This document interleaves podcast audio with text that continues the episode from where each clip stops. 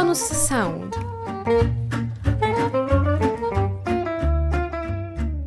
Witamy Was w nowym odcinku. Dzisiaj rozmawiamy z magistrem Maksymilianem Korczykiem. Dzień dobry. Dzień dobry, witam Państwa. Porozmawiamy trochę o neuroplastyczności. Czy chciał Pan trochę opowiedzieć o sobie, czym się Pan generalnie zajmuje i też czy chciałby się Pan podzielić z nami, naszymi słuchaczami, jakąś taką ciekawą przygodą z życia naukowego, jaka Panu się przydarzyła, albo śmieszną anegdotą? To zacznę od tego, że jestem doktorantem w Instytucie Psychologii Uniwersytetu Jagiellońskiego. I to, co najważniejsze, zajmuję się badaniami neuroplastyczności u muzyków oraz u osób niewidomych od urodzenia. Jeżeli chodzi o moje badania, to koncentruję się przede wszystkim na czytaniu, tym w jaki sposób literki Braille'a oraz e, kształty są przetwarzane przez mózg osób niewidomych. Przede wszystkim chcę zobaczyć, co u osób, które nigdy nie widziały, zmienia się w korze wzrokowej, jak ta ich kora wzrokowa działa oraz chciałbym bardziej poznać cały proces związany z neuroplastycznością, jak on zachodzi, w jaki sposób ta neuroplastyczność, i tutaj możemy sobie zdefiniować ten konstrukt jako zdolność systemu nerwowego do modyfikacji swojej organizacji. I przechodząc dalej, no chciałbym Państwu wspomnieć, tak nawiązując tutaj do pytania, o co mi się ciekawego przydarzyło. Jedną z ciekawszych rzeczy, którą robię i którą e, ubóstwiam, jest możliwość prowadzenia badań z moimi specjalnymi grupami, z muzykami, którzy są fenomenalną grupą badawczą, bardzo zainteresowaną tym, jak działa ich mózg, którzy mają bardzo dużo ciekawych opowieści o tym, jak wygląda życie w szkole muzycznej i dają różnego rodzaju takie tipy, co by można było sprawdzić, co by mogło zadziałać, ale teraz bardzo skupiam się na osobach właśnie z grupy osób niewidomych od urodzenia. Całej mojej grupie serdecznie dziękuję za udział w moich badaniach i za wszystkie ciepłe słowa oraz informacje o tym, jak ich życie wygląda. Jest to bardzo inspirujące do robienia nowych badań, również do poszerzania mojej wiedzy i odkrywania ich świata oraz zdawaniu sobie sprawy z tego, jak wiele jest przeciwności jeszcze jak coś nie funkcjonuje, na przykład światła czy drogi, e, oraz w jaki sposób oni sobie z tym radzą, jak też współczesne technologie bardzo mocno pozwalają im dotrzeć do różnych miejsc, poznać nowe rzeczy, więc to jest takie, takie cudo, w którym mogę brać udział, czyli kontakt z moimi badanymi przede wszystkim. Bo bardziej jestem eksperymentatorem i to jest taka największa część mnie. Mhm. A jeśli mogę zapytać, skąd pomysł na badanie tak specyficznej grupy? Dlatego, że ta neuroplastyczność e, jest obserwowana u osób, które dojrzewają, czyli mamy dzieci i ten cały proces dojrzewania mózgu u dzieci. Również obserwujemy to u osób, które nabywają nowych umiejętności. Dlatego ci muzycy tancerze, osoby, które na przykład zaczynają żonglować, to są pierwsze takie e, badania dotyczące też neuroplastyczności. Ogólnie osoby, które się czegoś nowego uczą. Kolejnym elementem, w którym obserwujemy tu neuroplastyczność, jest grupa osób, które miały uszkodzony układ sensoryczny, nerwowy. Są to oczywiście osoby, które miały albo wylew, albo uległy jakiemuś wypadkowi. I jedną z grup, która też bardzo ciekawie, którą badając możemy e, odkryć nowe możliwości i dowiedzieć się, jak ta neuroplastyczność działa, jest, e, są osoby, które są albo właśnie osobami niewidomymi od urodzenia lub później straciły wzrok. Oczywiście to, kto kiedy stracił wzrok, wpływa na to, w jaki sposób funkcjonuje ich mózg. Oczywiście też osoby z grupy osób głuchych też tutaj mają bardzo ciekawą neuroplastyczność, na przykład kory słuchowej, a w moich badaniach ja się skupiam bardzo jednak na korze wzrokowej i tym, jak ona funkcjonuje u osób e, niewidomych od urodzenia. Okej, okay, wspomnieliśmy o takich specyficznych grupach, jak osoby, które niedowidzą, nie mm. słyszą, albo nie słyszą, nie widzą, mają uszkodzony układ sensoryczny, tudzież są po wypadkach. Ale czy neuroplastyczność dotyczy tylko tych grup, czy dotyczy nas wszystkich? Dotyczy nas wszystkich. Tak naprawdę, jeżeli mielibyśmy sobie popatrzeć na neuroplastyczność, nawet wychodząc z tego podcastu, mają już Państwo jakąś zmianę, coś Państwo zapamiętali, coś mogło się Państwu zmienić. Uczestnicząc tak naprawdę w takim codziennym funkcjonowaniu, już zachodzą jakieś procesy neuroplastyczne w naszym mózgu. Każdy z nas stara się czegoś sobie nauczyć, czy to nawet nowy język, czy zapamiętać, e, jak funkcjonują po zmianach linie naszych autobusów, tramwajów. To też jest pewnego rodzaju nabywanie nowych, e, nowej wiedzy, nie? czy też odkrywanie jakiejś części miasta, jakichś budynków, nawet chodzenie po różnych klubach też nam zmienia tak naprawdę topografię miasta, którą my znamy, więc jest to jakiś proces neuroplastyczny.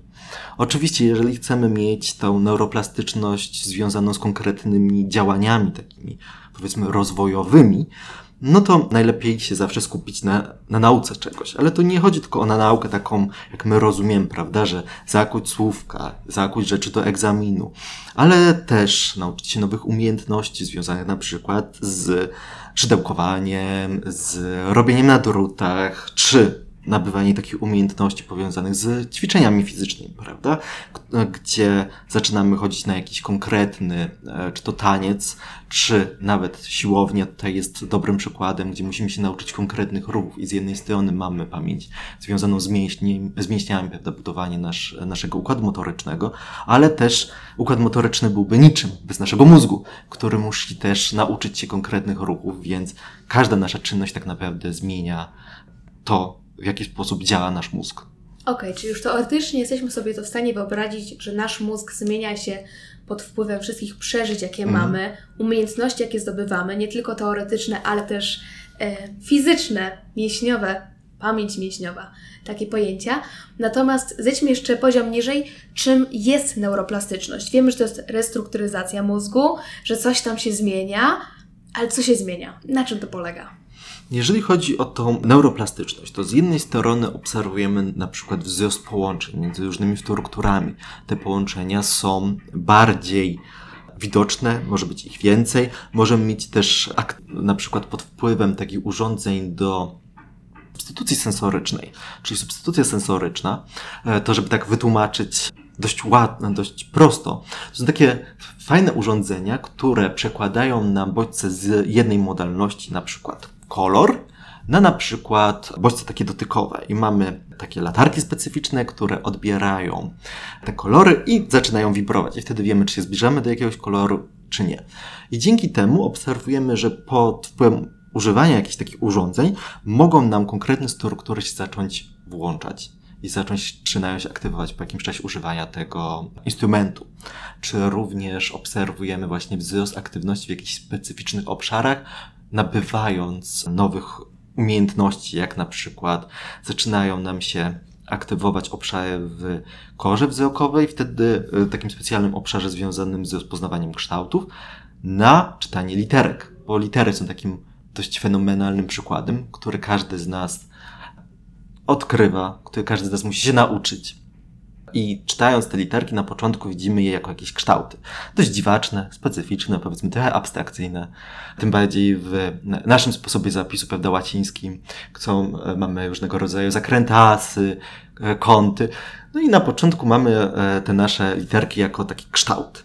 I dopiero jak zaczynamy się uczyć, no to każdy z dzieci popełnia różnego rodzaju błędy. Nie rozpoznaje na początku, pisze je bardziej lub mniej koszlawie, lub pisze je w tak zwanym strzelnym odbiciu, że E nie jest po prawej stronie, tylko po lewej i zaczynają te literki być pisane dopiero w, po kilku latach nauki, tam zwykle w ciągu dwóch, trzech lat tej nauki zaczynają być dobrze rozpoznawane, poprawnie pisane i to jest przykład tego, w jaki sposób ta neuroplastyczność działa, bo z tego obszaru, który na początku rozpoznaje nam kształty, zaczyna się wyodrębniać obszar, który zaczyna rozpoznawać specyficzny kształt, jakim jest literka.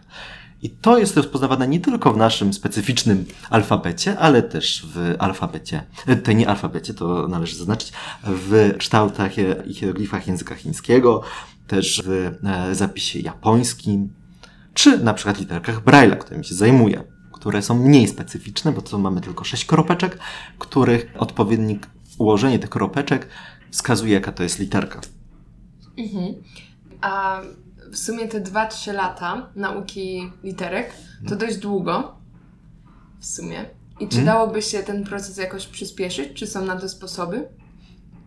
W sumie to zależy, czego się Państwo uczą bo tak naprawdę to zależy, Literek. co chcemy osiągnąć. Jeżeli chodzi o literki, no to 2-3 lata to, to jest dość dobry okres, tym bardziej, że zwróćmy uwagę na to, w jakim wieku się zaczynamy ich uczyć. Zaczynamy się ich uczyć w momencie, w którym jesteśmy jeszcze dziećmi, więc nasza uwaga też troszeczkę inaczej działa. Jeżeli chodzi o dzieci, no to zawsze to musi być powiązane z jakąś zabawą, z elementami odpoczynku. Też dzieci nie do końca zdają sobie sprawę, po co im to jest na początku. Oczywiście niektóre dzieci bardzo szybko się uczą, są zainteresowane tym. Należy po prostu wykorzystać przede wszystkim potencjał dzieci. To wszystkie takie pedagogiczne podręczniki mówią współczesne, że tutaj dzieci są zainteresowane różnego rodzaju aktywnościami i dowiadywaniem się nowych rzeczy, więc jest to zawsze fajna rzecz. Jeżeli popatrzymy się na dorosłych za to, którzy na przykład zaczynają uczyć się załóżmy języka koreańskiego, który jest e, pisany przy pomocy hangula, czyli też jest to alfabet, który jest dość przyjazny. Za, zapraszam Państwa do obejrzenia sobie różnego rodzaju literek alfabetu e, koreańskiego, które są powiązane też z sposobem wymowy ich dźwięków. To są proste linie, kółka. Dla osób takich jak ja, która jest dysgrafikiem, jest to bardzo fajny sposób zapisu. Liter prostszy niż ten łaciński, ale też jak zaczynamy się uczyć tego nowego sposobu zapisu, to widzimy na przykład u studentów, którzy zaczynają się uczyć tego nowego zapisu, że oni potrafią go opanować w dość szybki sposób. Więc to też oczywiście ten aspekt tego, po co nam to jest, czy jesteśmy dorośli, wpływa na to, jak będziemy się uczyć. Czyli oczywiście, tej wewnętrznej motywacji. tak, wewnętrzna motywacja jest podstawą do wielu rzeczy, jak na przykład badania osób widzących z grupy pana profesora Szweda, którzy zaczęli uczyć się czytać Braille'a dotykowego. Braille dotykowy jest, jak Państwo będą mieli kiedyś możliwość podotykać sobie Braille'a, nawet w windzie, to proszę za- zaobserwować, że te kształty, że te konkretne punkciki, one nie są tak dobrze wyczuwane przez nas. Jak sobie na nie popatrzymy, no to możemy rozpoznać, że na przykład literka A to jest pierwszy punkcik, jest to tylko jedna kropeczka na samej górze po lewej stronie. Ale jak sobie na, potem będziemy dotykać pozostałe kształty, na przykład znak, znak tego, że to jest literka, czy inne cyferki, no to, to nie potrafimy wyczuć dokładnie, które te punkciki się są na wierzchu, a które po prostu są ukryte, prawda, jest, jest płasko. Więc dopiero z w toku odpowiedniego czasu, tego dotykania tych literek, nauki ich, można zdobyć możliwość rozpoznawania tych liter. W grupie profesora Szweda udało się to po 9 miesiącach nauki właśnie tego dotykowego Braille'a, które też wpłyną na organizację mózgu u tych osób. Oczywiście, Braille dotykowy jest bardzo trudny dla osób, które się tegoż, tego nie uczą wcześniej. Więc tempo czytania tych słów, literek było dużo mniejsze niż u osób niewidomych, które uczyły się i potrafią go czytać płynnie. Jednakże no, jest to taka pozytywna e, informacja, że tak naprawdę potrafimy się wszystkiego nauczyć, tylko potrzebujemy z tego czasu, motywacji. Potrzebujemy też dać sobie trochę cierpliwości, takiego samozrozumienia, że łatwo jest popełnić zawsze błąd, że należy korzystać z tych naszych błędów, potknięć i, prze, i tak przejść do celu. Może trochę kołczowsko, ale mam nadzieję, że Państwo rozumieją tutaj ten taki aspekt pozytywny i ten, te emocje, które są istotne i motywacja, e, które jest też istotne do nabywania tych nowych umiejętności, które wpływają na nasz mózg. Ja chciałam wrócić do tematu, który był wcześniej poruszony. Edycji może go rzucimy wcześniej. Mhm. E, czyli to jest to, co obserwujemy u dzieci. Moje pytanie, czy obserwujemy to u dorosłych, czyli pisanie literek w odbiciu lustrzanym. Czy wiemy skąd to wynika? Czy dorośli też się z tym borykają? Jeżeli chodzi o badania związane z czytaniem czy pisaniem liter odwrotnych, to wraz z tokiem nauki w szkole ten proces pisania literek odwrotnych u y, dzieci, które nie mają żadnych dysgrafii, dysortografii, dyslekcji, przebiega w ten sposób, że w wieku tam około 8 lat, czyli druga, trzecia klasa, już przestają one pisać e, odwrotnie. Jest to po prostu związane z tym, że nasz mózg zaczyna łapać, że litera B i D to jest całkiem coś innego. Czyli poniekąd kształt jest ten sam, ale zaczyna nabywać nowego znaczenia, więc potrafimy to inaczej interpretować. Więc u osób dorosłych, które e, mają tą zdolność nabytą, ćwiczą to czytanie, to oczywiście ta zdolność jest łatwa i nie mylą sobie tych kształtów. Oczywiście, jeżeli ktoś ma jakieś problemy, takie rozwojowe, prawda? Czy, czy to jest dysgrafia, dyslekcja, to jest ortografia. To też pod wpływem ćwiczeń wiele rzeczy da się tutaj wyeliminować i też to oczywiście, jak zawsze w psychologii i neuro e, to zależy. I tak naprawdę nie ma jednej prostej odpowiedzi. To, co nas e, ratuje, jeżeli chodzi o osoby, które czytają, no to ta bardzo duża obecność literek w naszym życiu. No bo nawet e, jadąc autobusem mają Państwo napisane nazwę linii, na przykład jest napisane stop, więc te literki cały czas nas otaczają, co jest dość, dość dobrą rzeczą, bo nie zapominamy prawda, tutaj, w jaki sposób się czyta. Tak, no to nie jest tak jak jazda na rowerze, której też nie zapominamy, ale mm. musielibyśmy się gdzieś tam może nie zmuszać, ale pamiętać o tym, żeby jednak rower prowadzić, jeździć nim. O, sytuacja tak samo myślę, że z prowadzeniem auta. Jeżeli nauczymy się prowadzić auto, tak, ale nie używamy naszego prawa jazdy, no to po wielu latach wracając do tego jest to trudniejsze. No a faktycznie z czytaniem, z pisaniem tego problemu nie ma, bo tak jak Pan powiedział, to jest wszechobecne i E, nawet chyba niewolincjonalnie, mimowolnie to tak, tak. robimy. Tak, to prawda. Jest to pewnego rodzaju różnica w stosunku do osób, które czytają literki Braille'a. Że Braille mm. jest e, takim sposobem zapisu, które trzeba same e, z własnej woli zacząć czytać. Dlatego też e, to czytanie Braille'a jest coraz mniejsze, coraz mniej osób preferuje Braille'a, ze względu na to, że książki są bardzo drogie. W niektórych bibliotekach niespecjalnie dbają o te książki, dlatego że jak się źle poukłada, no to te e, literki zaczynają się wypłaszczać i wtedy nie ma możliwości ich odczytania.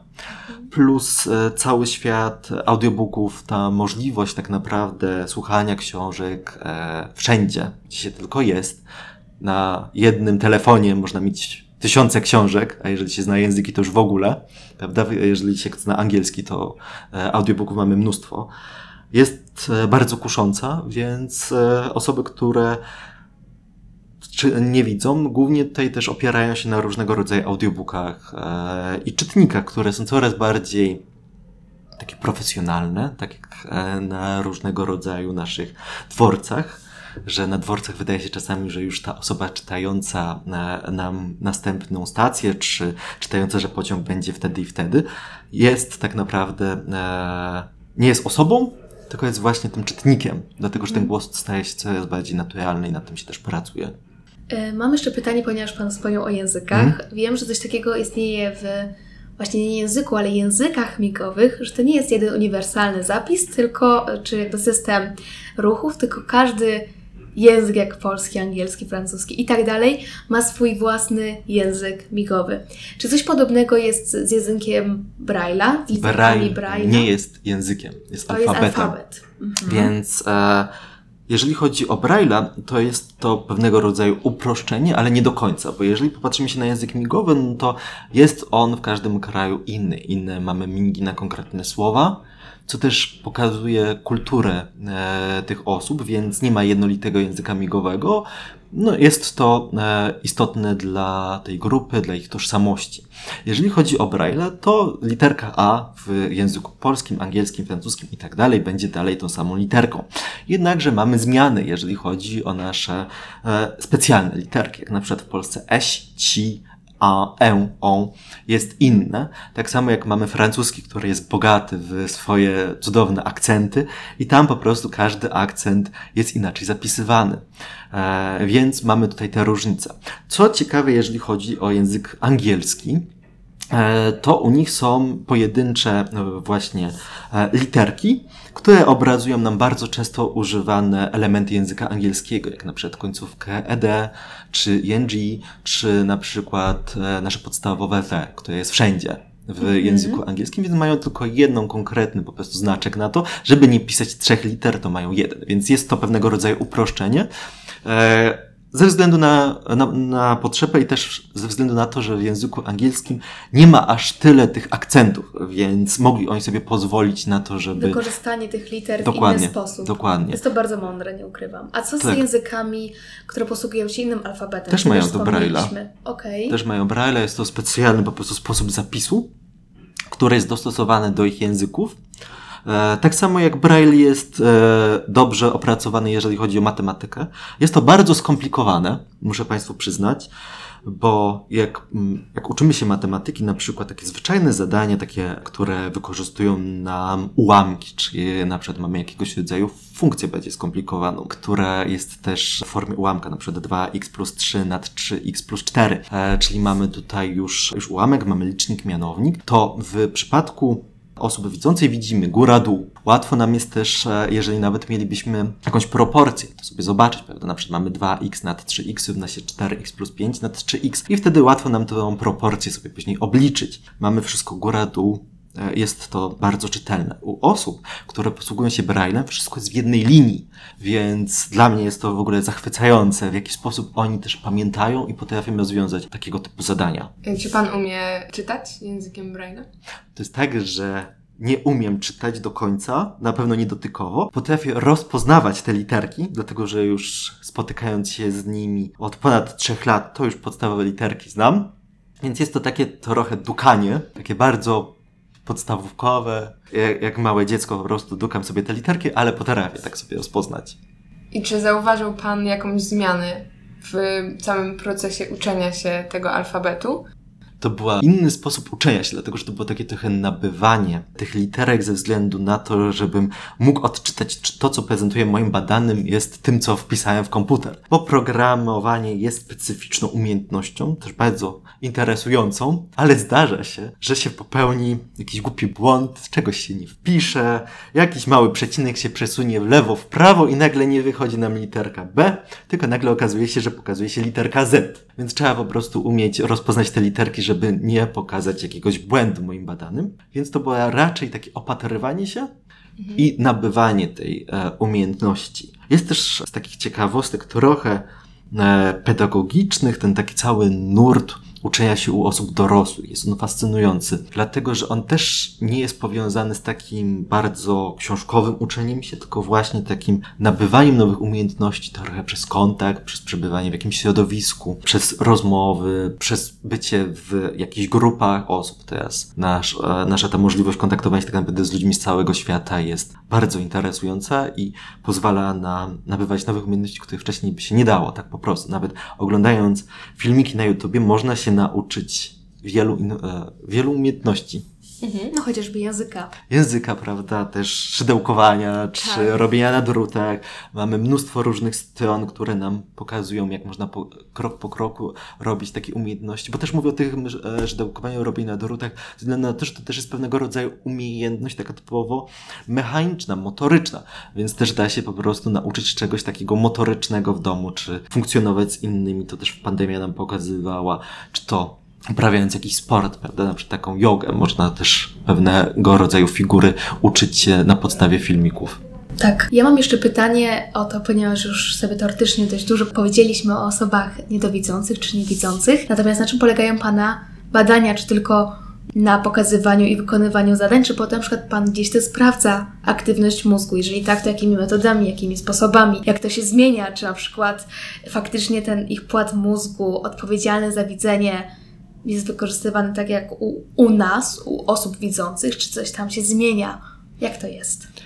Jeżeli chodzi o moje badania, to ja jestem e, fanem rezonansu magnetycznego, funkcjonalnego rezonansu magnetycznego i patrzę się na to, e, jakie struktury mózgu u osób niewidomych są aktywne w momencie czytania literek brajlowskich, jak również kiedy rozpoznają kształty codzienne. Tak jak na przykład szczoteczka do zębów, pudełko od tiktaków. Jest to bardzo ciekawe, każdy zna z nich to wieczko tiktaku i mogą je bardzo szybko rozpoznać. A tak, jeżeli chodzi o trochę taką neuroplastyczność marki, mógłbym powiedzieć, trochę tak, tak żart, pół serio, że pewnego rodzaju marki też e, u nas są bardzo mocno zakorzenione i łatwo nam jest je rozpoznawać. Loga tych marek, czy... E, to jeżeli chodzi o osoby niewidome, to po dotyku e, łatwo rozpoznają wieczko okay, TikToka, które jest dość produkt. specyficzne, tak, jako, jako ten sam produkt i pokazując im te różnego rodzaju właśnie kształty e, codzienne, chcę zobaczyć, jak te kształty aktywują im mózg, bo jak sobie myślimy o kształtach, no to też bardzo często myślimy o nich w taki sposób, jakie widzimy, prawda, jak kubek, jak, załóżmy ten kubek, prawda, że kubek widzimy, czyli ma on nasze uszko, jest on na przykład biały, czy jakieś e, napisy, a, i to przychodzi do nas najpierw. Jednakże jak sobie popatrzymy na całe doświadczenie kubka, tak trochę, e, mówiąc e, filozoficznie, to też ono ma swój konkretny, konkretną temperaturę, konkretny kształt, fakturę.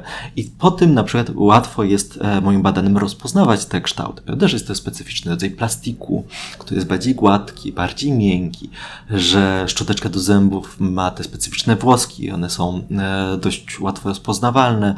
Jeżeli chodzi o e, różnego rodzaju patyczki do uszu, to też one są łatwe tutaj w rozpoznaniu, w dotyku. Za to jeżeli są oni dotykają czegoś, co wcześniej nie znali, to tutaj jest problem. Muszę zgadywać na przykład, czy łatwo się też wtedy uczą tych nowych obiektów. Mm, Ja jestem ciekawa, jak to jest przeprowadzane, jeśli te badania są w rezonansie, więc zależy nam na tym, żeby badana osoba nie ruszała się, albo ruszała się jak w najmniejszym stopniu, żeby nie zmienić wyników. To jak te przedmioty są podawane? Czy jakby są zmieniane? Czy każda osoba jest wysuwana przy każdym przedmiocie i znowu wsuwana? A, to jest ciekawa historia mojego e, doktoratu, który polega na tym, że mam takie specyficzne urządzenie, które e, żartobliwie i tak słodko nazywamy legusiem. Dlatego, że jest to takie urządzenie sporych gabaretów, które wygląda jak taki jeden wielki taśmociąg, do którego przyklejam płytki, na których są podawane te kształty odpowiednio przycięte.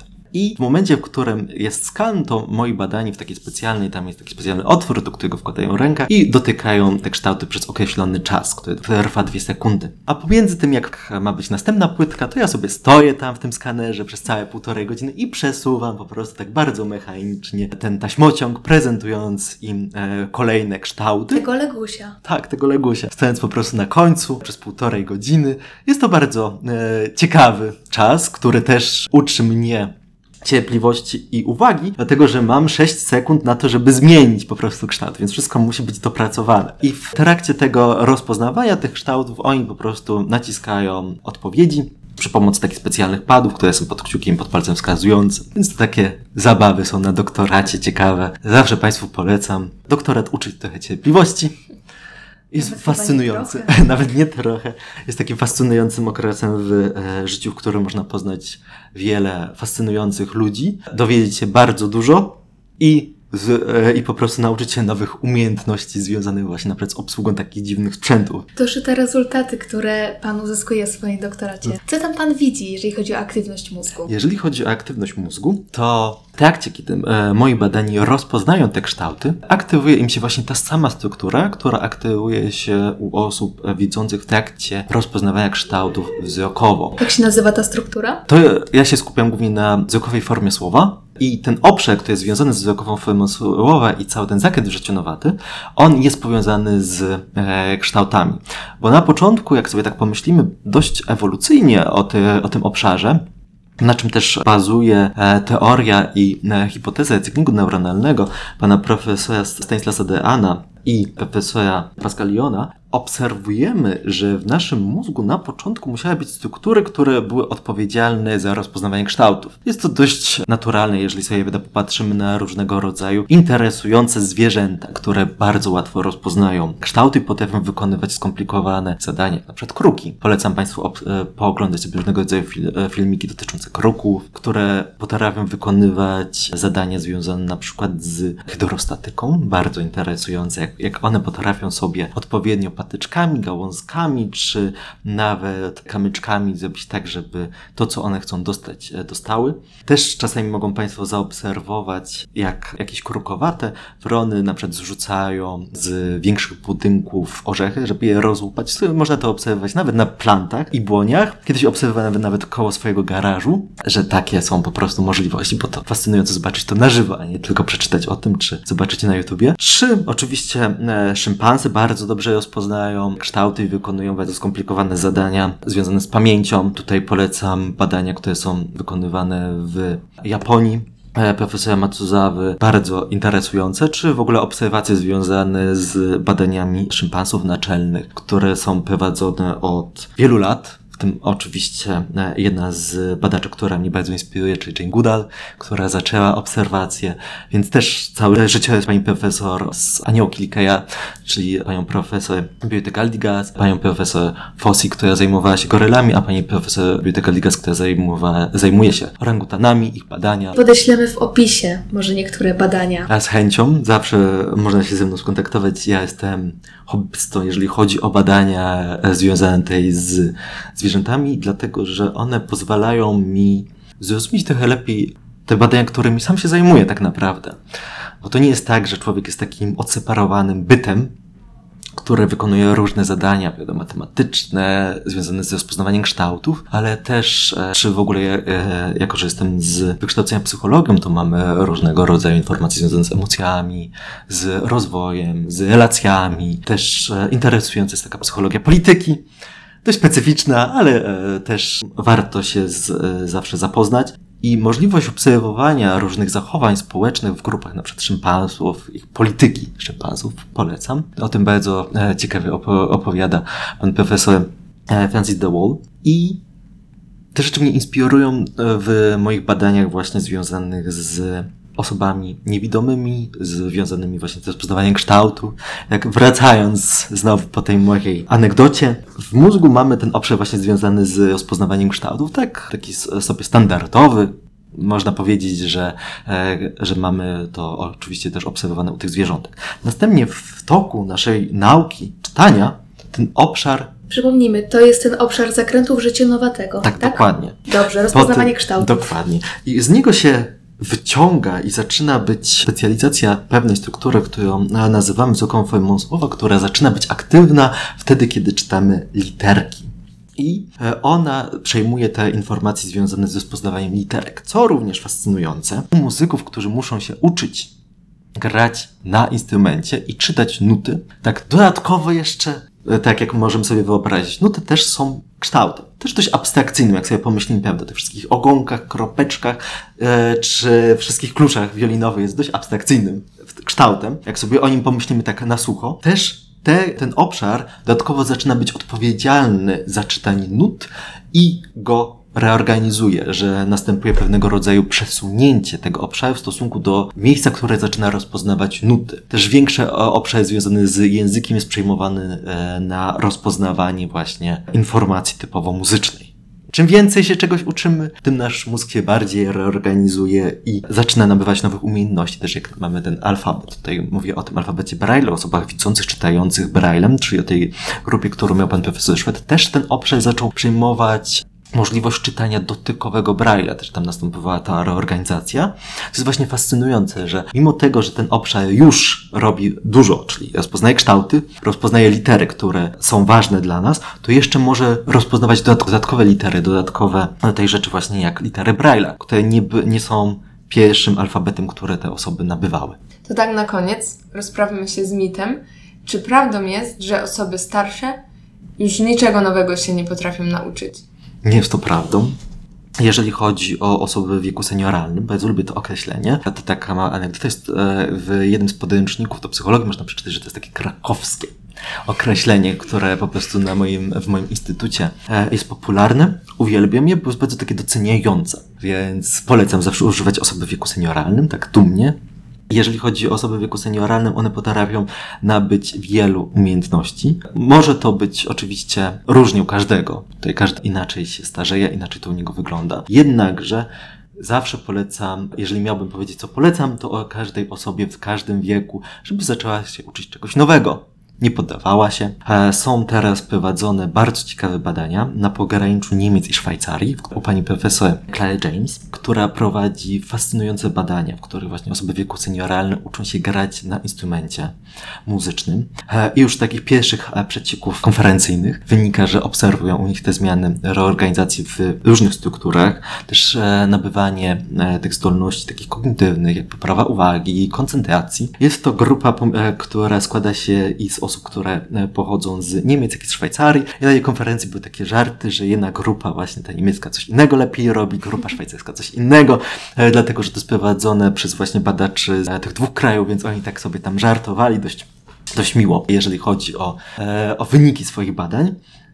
I też e, poza tymi, tymi badaniami, które e, uwielbiam, które e, pokazują właśnie to, że można nabyć nowe umiejętności i ona tak naprawdę już zmienia to, co robimy, to mamy też badania, które dotyczą właśnie osób w wieku senioralnym, które mają zmiany pod wpływem w ogóle ćwiczeń fizycznych, bo też aktywność fizyczna bardzo dobrze wpływa na, działanie naszego mózgu. Bo z jednej strony mamy pewne zmiany w hipokampie, czy mamy zmiany związane na przykład z działaniem płata czołowego, mamy poprawy w wykonywaniu różnych zadań kognitywnych, e, ale też e, to, co daje nam e, wysiłek fizyczny, to poprawa na przykład nastroju, poprawa naszego samopoczucia, więc jest, ma to korzystny wpływ. O tym możemy też posłuchać więcej pierwszym odcinku pierwszego sezonu, gdzie rozmawialiśmy z profesor Zytkowicz Janeczko. Na ten moment dziękujemy. Dziękuję serdecznie Państwu. Mam nadzieję, że nie zanudziłem Państwa i że Państwo się coś ciekawego dowiedzieli z tych moich po prostu tej gawędek i opowieści. Na pewno tak. Dziękujemy. Dziękuję serdecznie. Od trzeciego sezonu możecie nas znaleźć również na YouTube. Nasz podcast Neuronu Sound jest realizowany przez koło neuronaukowców Neuronus na Uniwersytecie Jagiellońskim. Oficjalnym patronem medialnym jest portal Biolog Help.